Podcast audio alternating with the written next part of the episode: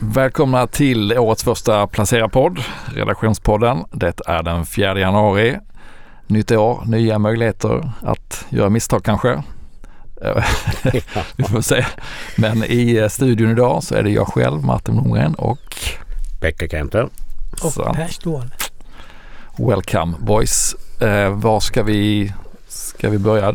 Du har precis släppt en din senaste utblick Pekka på ja, Placera-sajten. Eh, ja, min senaste marknadssyn här. Och man kan väl säga att det är väldigt mycket av det som pressade börsen under 2022 hänger sig kvar eh, de facto. Och, eh, men det, jag tycker det finns lite sådär positiva signaler man kan ändå lyfta fram. Dels så har vi ju det här att eh, konjunktursignalerna, det har i alla fall inte blivit värre. Eh, tvärtom så var ju inköpschefsindexen i alla fall i Europa något starkare än väntat. Dessutom har vi en inflation i, i Europa som eh, är på nedgång. Vi har fått siffror från bland annat Spanien och Tyskland och Frankrike och alla de inflationssiffrorna kom in lägre än väntat. Och eh, lägre än tidigare. Däremot så är ju så att säga den underliggande inflationen fortfarande alldeles för hög för att man ska tro att ECB ska ta någon paus. Mm. Det är fortfarande ränt, fler räntehöjningar som är som huvudscenariot. Ja, eh, nu kommer det ju räntebesked i början på februari. Federal Reserve kom den första, eh, ECB den andra februari. Och vi, det blir väl eh, räntehöjningar på, på bägge håll. Däremot så börjar jag luta åt att det kanske vi ser, börjar se slutet på mm. räntehöjningarna. Är det sista för USA då eller vad tänker du? Ja, jag tänker, det, kan det alltså, vara Feds sista räntehöjning? Nu har vi ju, eh, det som avgör det är, den, det är den statistik som kommer nu på fredag som är arbetsmarknadssiffrorna för december. Om, de, om det skulle visa sig att arbetsmarknaden börjar svalna av något så kan det vara att, att eh, Federal Reserve i alla fall tar en paus efter februarihöjningen. Mm. Och avvaktar. Man har ju gjort massiva räntehöjningar och vi har inte riktigt sett de fulla effekterna av dem än. ECB, ECB var ju däremot väldigt aggressiva eh, i sitt senaste i samband med sitt senaste penningpolitiska besked. Så där är jag lite mer orolig att eh, hökarna mm. i ECB-direktionen fortfarande är i majoritet. Men, eh, men, men med konjunkturpilar som pekar neråt, inflationspilar som pekar neråt.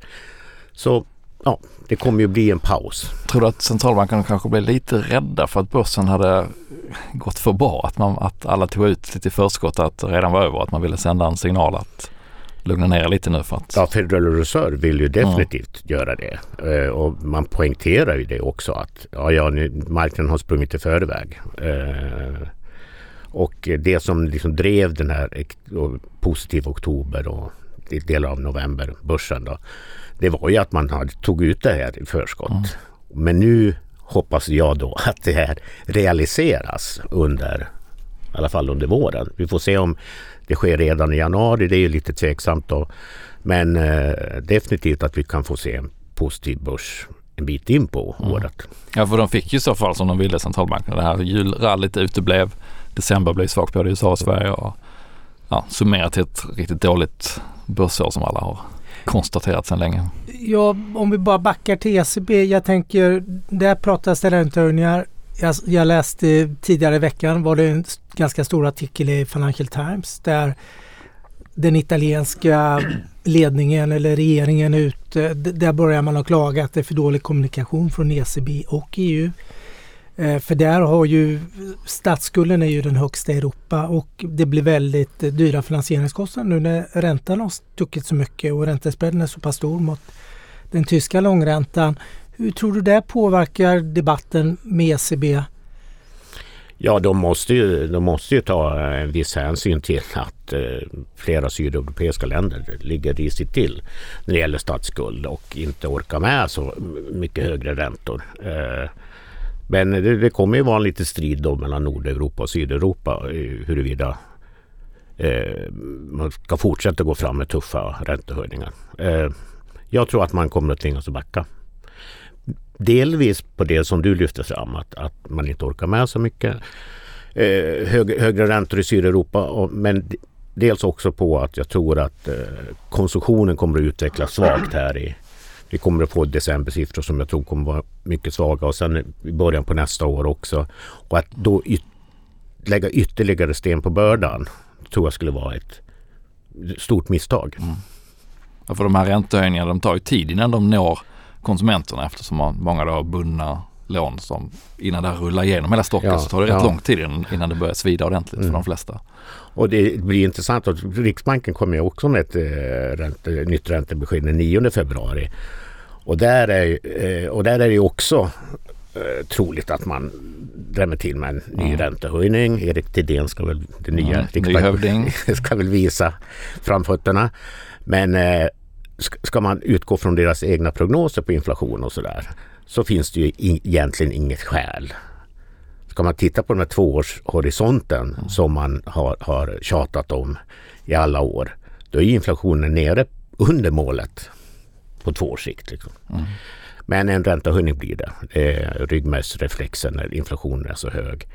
Decemberinflationen kommer ju vara ytterligare något högre. Eh, men sen mm, ja, det är en del, en del bedömare som tror att decembersiffran kommer att vara den högsta inflationssiffran i Sverige. Och för det talar ju att energipriserna kanske är på väg ner och bensinpriserna har sjunkit något och sådär.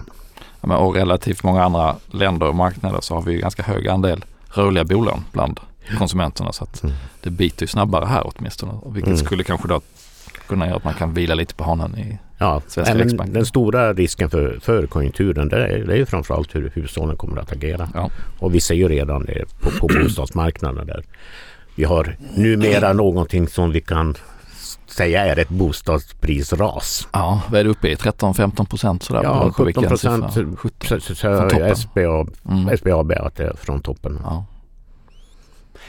Hur påverkar det här kronan nu då? med om räntehöjningarna blir lite lugnare från Riksbanken som du är inne på. Fed pausar men ECB gasar på lite ytterligare då. Kommer vi bli, tappar vi mycket mot euron i år istället då? Det gjorde vi i fjol också men inte i samma dignitet eller takt som vi tappade mot US-dollarn. Ja fast, fast nu har ju det här skiftat. Vi har ju en, en, en vi har en ganska påtaglig dollarförsvagning på marknaden egentligen mot i princip alla andra valutor och även mot kronan har ju dollarn tappat. Mm. Däremot så har ju euron gått väldigt starkt mot kronan och ligger nu nära liksom rekordnivå. Nu har jag inte den, den dagsaktuella siffran men den ligger lite knappt 11-20 eller någonting. Jag tror inte att kronan kan försvagas så mycket mer från de här nivåerna. Men det har jag ju sagt förr. Mm. eh, och man blir alltid lika besviken på kronan. Men det här är eh, enligt mig helt liksom, lite absurda nivåer mot euron. Och Riksbanken har ju dessutom bara en kronförsäljare under 2022 och det ska väl ta slut nu hoppas jag. Mm.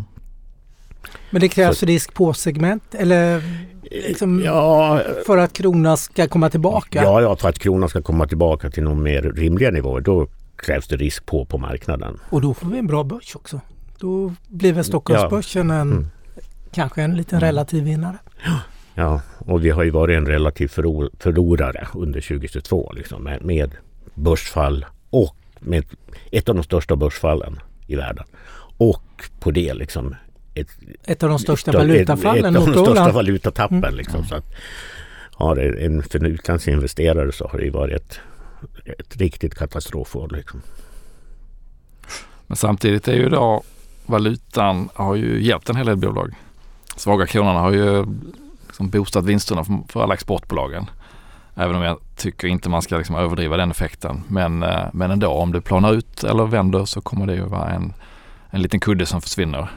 Så det blir intressant att se hur, hur de står sig utan det här under, under året. Hittills har ju, som du var inne på i din eh, utblick också Pekka, att hittills har ju rapportperioden varit det som har utlöst lite tillfälliga uppgångar under hela 2022. Ja. Och nu är det någon vecka kvar då till svenska rapportperioden kör igång. Får vi se om det blir på nytt så att bolagen visar att de är lite starkare än vad, vad man befarar och att, att det i sin tur att vinstprognoserna kan hållas uppe och att värderingarna börjar faktiskt se rätt attraktiva ut då i många fall. Ja, man har ju absolut visat att man har hanterat utmaningarna under 2022 på ett väldigt ja. bra sätt måste man ju säga. Och eh, förhoppningsvis så kommer det visa sig även i, i rapporterna för Q4. Mm. Och eh, ja, jag hoppas på ett litet börsrally. Ja. ja, men för den allmänna bilden är ju att vinstprognoserna är för höga och att värderingarna inte är fullt så låga som det ser ut. Och att det förr eller senare kommer visas. Och, och, så är det nog, det tror jag också. Men jag är inte så säker på att de värsta scenarierna kommer att infrias. Utan jag tror att många av storbolagen står lite starkare än vad man befarar kanske och har kanske gjort en del förändringar under, lärt sig en hel del av pandemin hur man kan eh, jobba effektivare och eh, kanske hålla uppe marginalerna bättre än vad man gjort tidigare nedgångar. Det skulle kunna, in, kunna lägga liksom en grund för att eh, någon gång i alla fall under första halvåret att vi når en botten då så vi kan ta oss upp igen. Ja, men rapportperioden, sjunkande inflation och förhoppningsvis en konjunkturkurvor som planar ut. Liksom. Mm. Det, det, skulle ju, det skulle definitivt tala för en positiv börsutveckling. Mm. Jag var inne och nosade lite på ditt område i veckan här och tittade på lite vad ska man säga, smalare indikatorer. Inte, inte renodlade makro utan sådana som kanske tangerar eh, mer bolagsspecifika då och eh, om man ska summera bilden så är det ju att många av dem har ju vänt till negativt eller är stabila men det är inte så många som, som indikerar att nu är vi på väg att vända upp. Eh, bland annat olika transportindex, eh, Baltic Dry som är det sjötransporter står och stampar inte på botten men inte heller liksom på väg uppåt. Eh, det finns det här amerikanska Dow Jones eh, Transportation Average som man kan ställa mot det vanliga industriindex. Vilket då kan vara en indikation om, om, om transporterna går dåligt men det andra går bra så är det tecken på inbromsning och tvärtom. Eh, och där ser det inte heller ut att vara någon vändning egentligen. Eh, orderingång för lastbilar ser fortsatt bra ut men, men man vet samtidigt att det kommer nog att rulla över under året när de börjar producera i kapp. Så att man hittar, jag tyckte inte att jag hittade någon sån här tecken på att, vi, att man ska våga gå för en konjunkturledd börsuppgång redan nu. Men däremot så behöver det inte vara jättemånga månader eller kvartal bort innan man vågar ta det bettet kanske. Så att eh, mm, forts, ja, för, lite försiktighet fortsatt men eh, vi närmar oss ju vi har aldrig varit så nära botten som nu. Tror du att Kinas eh, totalsvängning nu som vi har sett i covid-strategin kommer att börja? Den skapar väl mycket osäkerhet nu?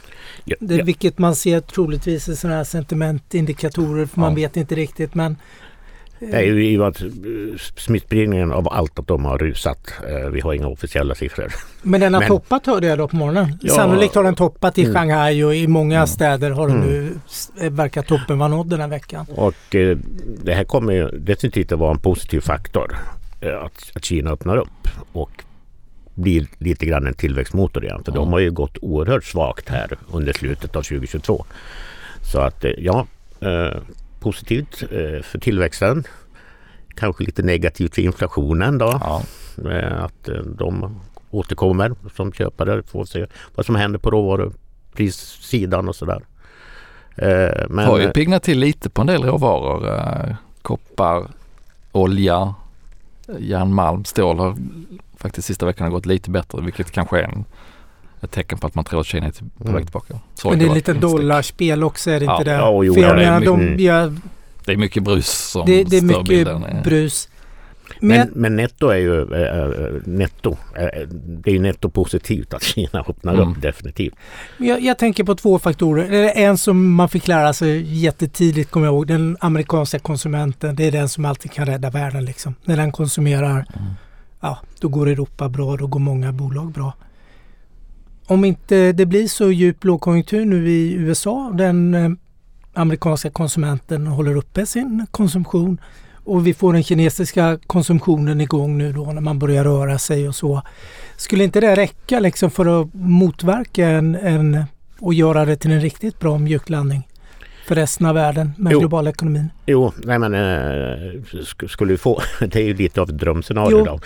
Eh, så att, eh, och jag törs väl inte riktigt dra eh, så positiva eh, slutsatser kring konjunkturutvecklingen. Jag tycker fortfarande fastighetssektorn är väldigt skakig och vi får se hur hushållen reagerar. Eh, USA har ju en helt lite annorlunda konjunkturbild. De är liksom nere i en mer normal konjunktursvacka eh, Eh, och en normal åtstramningscykel från, när det gäller penningpolitiken.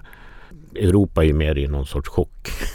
Har drabbats av massa chocker här. Så, mm. så att eh, USA ser det, skulle definitivt kunna mjuklanda sin ekonomi. Men jag törs inte dra de här riktigt positiva slutsatserna för Europa än. Det är för mycket. För mycket stök fortfarande. Mm. Men energipriserna har ju fallit dramatiskt. Eh, mycket på grund av fint väder. Men, mm. men så, länge, så länge det fina vädret håller i sig, ju bättre står sig lagren som vi har byggt upp nere på gassidan. Liksom. För, för, varje dag som går så ökar ju sannolikheten för att vi klarar Europa klarar vintern. Liksom. Framåt februari borde man ju kunna andas ut lite då att när det sen normalt ska bli samma temperatur som det är nu men, men mer normalt att det är 15-20 grader. Då borde man kunna andas ut lite med lagren och kanske glömma det där fram till hösten eller? Ja, eh, ja Per hade väl eh, läst någonting om Ja, men jag läste lite i Tyskland nu. Den tyska, någon handelsminister var ute och pratade. Dels att företagen har skött det jättebra. De, det är lite som vanligt. De är mer snabbfotade än politikerna och det händer, händer, sakerna händer mm. mycket snabbare. Lite på samma tema som du är lite inne på att vi har inte sett i rapporterna de har ju varit mycket mer snabbfotade som du är inne på. Ja. Bolagen är, för att hålla uppe marginalen så agerar man mm. mycket snabbare än vad man gör som politiker för att stävja. Och lite samma resonemang verkar det vara med, el, med elkonsumtionen. Att fabriken har varit väldigt duktiga på att effektivisera. Eh, så man har fått ner väldigt mycket eh, elkonsumtion. Mm. Betydligt mer än vad man har förväntat sig då för bolagen har gjort mycket mer och vad skulle jag nu, vad var frågan? Sam, samtidigt som konsumenterna har hållit igen också. Ja, de är också hållit igen. Vi pratade om vår egen elkonsumtion här tidigare idag. Att eh, för novembersiffrorna då att man har jobbat ner kanske både 10 och 15 mm. procent lägre. Om man exkluderar den här uppvärmningselen eller den man behöver för uppvärmningen då så är det ju många som... Men det är som Absolut. du säger, det är lite kallare på golvet. Ja. Det är kallare att stå och duscha för du kanske inte har på golvvärmen och så vidare. Då, men det, Samtidigt har man ju högre, även om man dragit ner förbrukningen en hel del, eh, så är ju priserna väldigt mycket högre i december mm. än vad de var i december förra året som redan var högt. Så att nettot kommer ju ändå bli väldigt tufft för eh, konsumenter som, som betalar uppvärmningen med el i den här vintern. Ja, jag tror att det blir, eh, kommer bli ramaskri i ja. Sverige i, i februari. Ja. När elräkningarna för november och december ska ja, börja betalas. Mm. Och det är så, och elprisstödet kommer ju inte att räcka Nej. Eh, så långt. Eh, så det, det kommer att krävas ett nytt stöd liksom som, som rullas ut. Eh, för det, det, det kommer se förskräckligt ut. Mm. Så är det förmodligen. Eller så är det. Så är det. Ja. tyvärr, tyvärr. Ja. Mm. ja, och man såg ju faktiskt i uh, inför julupptakten här i de här betal, betalkortsstatistiken som både Swedbank och SEB publicerar att det är ganska stora nedgångar i konsumtionen. Det ser ju inte så farligt ut när man tittar på löpande siffror men om man rensar för inflationen så är det ner kanske en 10 procent. Eh, så att i volym har vi handlat ganska mycket mindre fram till jul i alla fall. Eh, och eh, SEB de såg en litet upptick precis under julveckan vilket beror på att det var lön då precis innan julafton och lite julhandel såklart. Men de räknar också med att det blir att det var ett hack i kurvan så att delvis då på grund av elpriserna men även räntehöjningar som slår igenom att det kommer vara rätt så dystra eh, detaljhandelssiffror även i januari och kanske februari. Så att det, det, är en bit kvar innan vi kan eh, stänga den här tuffa vintern för de flesta konsumenterna. Ja, och förhoppningsvis så, så ser ju Riksbanken också det här. Ja. Så jag hoppas på ett mjukt besked. Även fast jag tror att det blir en räntehöjning så kanske prognoserna kommer att ligga på att det inte blir några fler räntehöjningar. Vilket jag tror skulle vara väldigt positivt för hushållen. Hur är det att äga en sån här prognos eller guidningskurva ligger Riksbanken nu? Är det en höjning till? Ja, det är en på, höjning till. På 25 mm. punkter bara? Yes. Mm. Ja. Eller en och en halv. En och en halv. Mm. De är sällsynta de där halva men vi får väl se. Kanske blir ett nytt grepp från till den. Ja. Man eh, man försöker väl pressa på att man tycker att Riksbanken ska ha fler penningpolitiska möten. Vi får se om det förverkligas. Mm, just det, de är färre än de flesta andra va? Ja. Mm. Vad, ser du räntan bottna ur då när man börjar sänka? Om, det här är om vi närmar oss toppen nu som du är inne på. Vad, vad ser du om vi tittar på en svensk ränta? Vad kan man förvänta sig att de här bostadsräntorna kommer att ligga på nu? För nu har det blivit som chockhöjning. Det, ja. det har ju bara ökat och ökat varje månad då om man haft rörligt. Nej, ja, eh, det är svårt att se. Eh, vi får avvakta Riksbankens besked. Men eh, som sagt jag tror att vi är väldigt nära räntetoppen. Ja, en ny månad och nytt år. Vi har ju också släppt vår månatliga lista på månadens aktier. Mm. Utan några större förändringar egentligen. Vi, som många andra, är lite avvaktande och ser var det här landar. Men för egen del så gjorde jag bara ett litet byte och det var att jag tog ut Kindred som mitt, ett av mina bidrag på listan. Alltså ägarna av Unibet då, som har haft en, en väldigt bra höst eh, i och med att fotbolls-VM har, har eh, gett mycket att spela på och man har packat ihop de andra ligorna då för att få in ett VM under det här kvartalet där det normalt inte spelas. Eh, samtidigt som de rider lite på att de är tillbaka i, i Holland eh, som de var avstängda från då på grund av regulatoriska skäl tidigare. Så mycket talar för ett jätte, jättebra eh, fjärde kvartal för, för Kindred och det har ju fått aktien att gå och jag tror att, man kan, att det kanske mer är en behåll än en köp just nu då så att jag valde att ta bort den så får vi se om man återkommer för att långsiktigt tror jag fortfarande det är bra men men ja, det var mitt enda lilla byte. Men du gjorde en Ja, jag plockade ju ut Tokman idag. Tokmanni. Mm. Eh, nej men de har inte levererat alls som jag hade trott. Eh, det är väl del, delvis höga inköpspriser och sådär.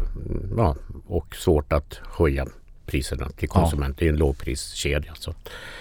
Ja, eh, på lång sikt kan man eh, säkert ha den men eh, i och med att den inte har levererat så tycker jag att eh, det är dags att plocka ut den. Och jag plockar in Tele2 istället. Ja. Ett annat defensivt bett eh, och det är ju att eh, telekomaktier har ju haft det tungt. Eh, framförallt mot slutet av 2022 och jag tycker väl att Tele2 har sjunkit lite för mycket. Mm. Jag förstår nedgången i Telia mer än jag förstår nedgången i Tele2. Om en utdelningssäsong som börjar närma sig och hög direktavkastning så mm. tror jag kommer att locka lite köpare. Det har vi också sett här i inledningen av året.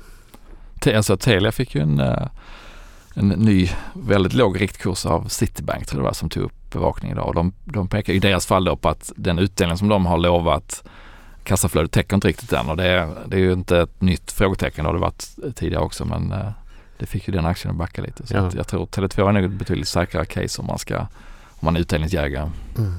Ja, men menar, du skrev ju också en Telia-analys mm. där du konstaterar just det där att, att det blir svårt för dem att hålla fast vid sin utdelningspolicy. Ja, och så allt strul de har haft med sin tv-satsning då med mm. Champions League och Viaplay-bråket. Så det är mycket större större moment kring Telia. Om man, mm. om man nu tänker att det ska vara en stabil aktie så har det inte varit det. Stabilt nedåtgående. Men annars var det inget, du gjorde inga förändringar på Ava i månadslistan? Utan... Nej, jag gjorde inga förändringar. Jag hade ju en dog, det var ju Porsche som tappade väl ja. 10-12 procent under månaden. Men den kom ju precis in, det blev lite feltajmat men jag tror ändå att den har, det kommer bli en bra Q4 tror jag. Jag tänkte på en annan sak. Mm. Jag pratade med förvaltare ganska nyligen, du pratar ju bettingbolag eh, som äger ett antal bettingbolag eh, på tesen att de kommer bli uppköpta. De har inte riktigt något på börsen att göra längre för det är så få förvaltare som får investera i det. Eh, men det är bra kassa, det är riktiga kassakor. Ja. De är hyggligt lågt värderade. Lite bättre riskklimat kan det bli uppköpt. Mm. Ja, det har ju varit Utköp. många affärer också. Ja, det, det har varit mycket affärer. Eh, är det något du känner om vi bara rundar av med betting? Skulle man kunna ha en uppköpsportfölj om du förstår mitt tänk att ja, men det här det, det får åka bort det från börsen för att det finns för få investerare? Ja men förmodligen sitter man, sitter vi här om ett år så är det säkert en del av de här som har blivit uppköpta eller fortsatt köpa själva då som de också är, är väldigt aktiva med eller har varit väldigt aktiva. Men för, som du säger det är ju ett de är ganska ocykliska. De har inte de här råvaruproblemen eller fraktproblemen som alla andra har behövt ha nu. Så att, och bra kassaflöden. Så det är ju en väldigt attraktiv eh, mix på det sättet. Men ur ESG-synpunkt är du icke attraktiv Nej, liksom för de flesta fondbolag? Ja, vilket trycker ner värderingen då. Eh, och de som inte har det här ESG-hindret kan ju då utnyttja det. Och, eh, och det har ju varit både Kambi och Kindred har jag ju, omgärdas ju från tid till annan om att de ska bli uppköpta så att det är säkert inte omöjligt. Men det vore lite synd för att de har ju en, en lång resa kvar att göra att ta den fysiska spelmarknaden till att digital. Även om vi i Sverige eh, tycker att det har hänt redan för länge, länge sedan så är det inte så överallt i världen så att det finns ju en, eh, både i USA och Sydamerika finns det ju mycket kvar att göra för de här bolagen. Så att jag privat eh, har jag kvar Kindred även om jag tog bort den ur, ur vår månadsaktie på mer kortsiktig timing. Eh, och tänker nog att jag ska sitta med den och hoppas att de lyckas med den här USA-resan som lite har gått i stå nu men eh, på, på lång sikt om de spelar korten rätt så ska det, ska det finnas en hel del värde där. Men som sagt, Kindred finns privat här annars, men annars har jag varit rätt så försiktig i den privata portföljen. Jag har faktiskt inte gjort något på flera veckor här, inte över jul och nyår heller, utan jag sitter kvar med ganska hög andel kassa, portfölj som jag är ganska nöjd med. Går hyggligt bra med hygglig, hygglig risknivå tycker jag själv, så att eh, ja, jag är lite passiv. Ni då? Nej, jag har ju också varit passiv. Jag har ju också en hyggligt stor kassa. Um, funderar på att eh, börja köpa. Mm, men lite nervös för de här hur marknaden kommer upp reagera trots allt på, på inflationssiffrorna och räntebeskeden. Men uh, man kan nog börja handla lite pö om pö. Mm. Per då? Jag har inget att handla för. Jag är den enda som är fullinvesterad. Uppenbarligen. Men sover gott om natten. Alltså jag tror ju att alla ligger fel. Även de stora, mm. även ekonomerna tror jag ligger helt fel. Det är att alltid, de är för försiktiga? Eller? Ja, men de är, du läser alltid där, det är oundvikligt med recession. Jag läste i 30 års tid och det blir aldrig. Eh, så den där, det där jag, jag, tror att bolagen är så pass mycket bättre mm. än vad eh, politikerna och centralbankerna. Det är min, alltid varit lite min hypotes att de lyckas kompensera även hur kanske dåligt det ser ut. Mm. I, de är alltid snabba på, ja men det är bara att se Ukraina, kriget nu, hur snabbt man har lagt om alla försörjningsled och eh, man är där för att man har kniven på strupen hela mm. tiden som ett bolag. För du kan inte sitta och vänta på stöd och massor Nej. med eh, politiska saker som lovas och sen vet man inte när det sjösätts överhuvudtaget. Då. Så därför måste du agera som företag mycket mer och därför, jag tror att dynamiken kommer tala för att det inte blir så låg mm. konjunktur tror jag. Och det är lite som du är inne på. Sverige, du säger att det, världen ser inte ut som Sverige. Det är ungefär vad du säger. Du tittar lite på bettingbolagen mm. och det är så mycket som är digitaliserat här. Och eh, det, det, ingenting ser ut som Sverige egentligen. Jag, jag tänker på, vi har nu, vi har ju pratat lite, tangerat lite med de här rörliga lånen. Det är ju, det är ju få länder som har, eh, får den här effekten av mm. åtstramningarna som vi kommer att få här. Dels är det jäkligt kallt, vi är norrut. Så vi har, det blir lite dubbelsmäll för konsumtionen. Tror jag just i Sverige. Mm. Kommer du ner kanske Italien där vädret har varit som vanligt. Eh, du har el, en elproblematik såklart men du konsumerar inte lika mycket el för det är inte lika säsongsvariation. Och sen sitter du med bundna räntor som kanske löper på 20 års tid. Så det, det, det är ett annat mm. spel tror jag och det är lätt att glömma bort och mycket av konsumtionen ligger utanför Sverige för många bolag. Då. Så jag tror att det är många bolag som inte kommer märka av det på samma sätt. Nej. Nej, och, det, och om man ska blicka tillbaka på förra årets stora nedgång så handlar det mycket om att det är värderingen som ändras. Det är inte så mycket att vinsterna har packat ihop. Nej, faktiskt. det har ju varit en multipelkontraktion. Ja. Året innan hade vi en våldsam multipelexpansion. Ja. Och jag säger inte att vi ska få tillbaka multipelexpansion av den digniteten som vi hade i förfjol då. För det, den blev ju helt ja, hysteriskt mångt och mycket och det mm. brukar mm. alltid bli hysteriskt. Men jag vet inte om den här kontraktionen, om det kan kontrakteras så mycket mer om du förstår. Nej. Och om vinsterna ändå kanske inte bottnar ur på, på de här djupa nivåerna som mm. man räknat. Så tror jag att det finns ett hyggligt år. Ja, men det blir spännande att se rapporterna. Det blir väl nästa, förutom inflationsstatistiken så blir det väl rapportperioden för Q4 här som blir det stora och då kommer ju utdelningsbesked. Brukar också kunna vara lite signal hur bekväma styrelserna är då med, med kassaflödet framåt. Så att eh, det finns mycket att, gott att se fram emot. Ja, nej. Och jag tycker att Per har en, en jättebra poäng där. Att, att man får inte stirra sig blind på Sverige. Att Sverige drabbas ganska hårt av både räntehöjningar, energipriser och troligtvis ganska höga hyreshöjningar mm. också. Så, eh, så att eh, stirra, inte stirra sig blind på utvecklingen i Sverige utan titta på hur det går i USA och i Europa i stort. Och Kina. Och Kina ja, som åter ska kliva in i matchen. Ja, det finns hopp helt enkelt även det här året. Eller? Definitivt. ja, jo, nej, men jag, säger, jag säger ju det att, att jag, jag tror att eh, 2023 kan bli ett hyggligt år. Men däremot så är väldigt osäker på när, när vändningen kommer. Mm. Men är det hus, jag tänker att hus och lägenhetspriser kan bli en, en nyckel till hur, hur sargade konsumenterna känner sig. Alltså det, vi har pratat länge om el och, och räntor och sådär men när hus eller lägenhetspriserna också om de skulle dyka som de här värsta scenarierna då blir man ju väldigt förmodligen väldigt försiktig med alla andra inköp också. Ja, det, det blir man ju. Och sen är det ju där liksom det här med amorteringskravet som, som kommer att ligga kvar eller liksom återinföras. Och, eh, sen får man ju inte den här värdestegringen som gjorde att amorteringskraven minskade. Den kommer ju inte nu liksom. Så, att, eh, så det blir lite kärvt. Mm. Eh, sen eh, arbetsmarknaden är ju fortfarande hyggligt stark. Egentligen egentligen över hela västvärlden. Så att eh, så länge den håller i, håller i sig och vi inte ser liksom att arbetslösheten skjuter iväg så finns det ju konsumtionsutrymme trots allt. Gott. Ska vi runda av med den eh, något hoppfulla slutklämmen i alla fall? Då? Ja, det tycker jag. och så tar vi, vad heter det, 13, 13 är det 13 dagar vi firar eller varför är vi lediga egentligen? Ja. Ja, det känns väl skönt. Jag har ju varit så sur hela 2022.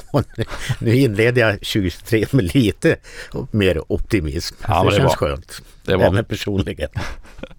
Då åker vi. Tack för att ni lyssnar. Tack, Tack så mycket. Tack.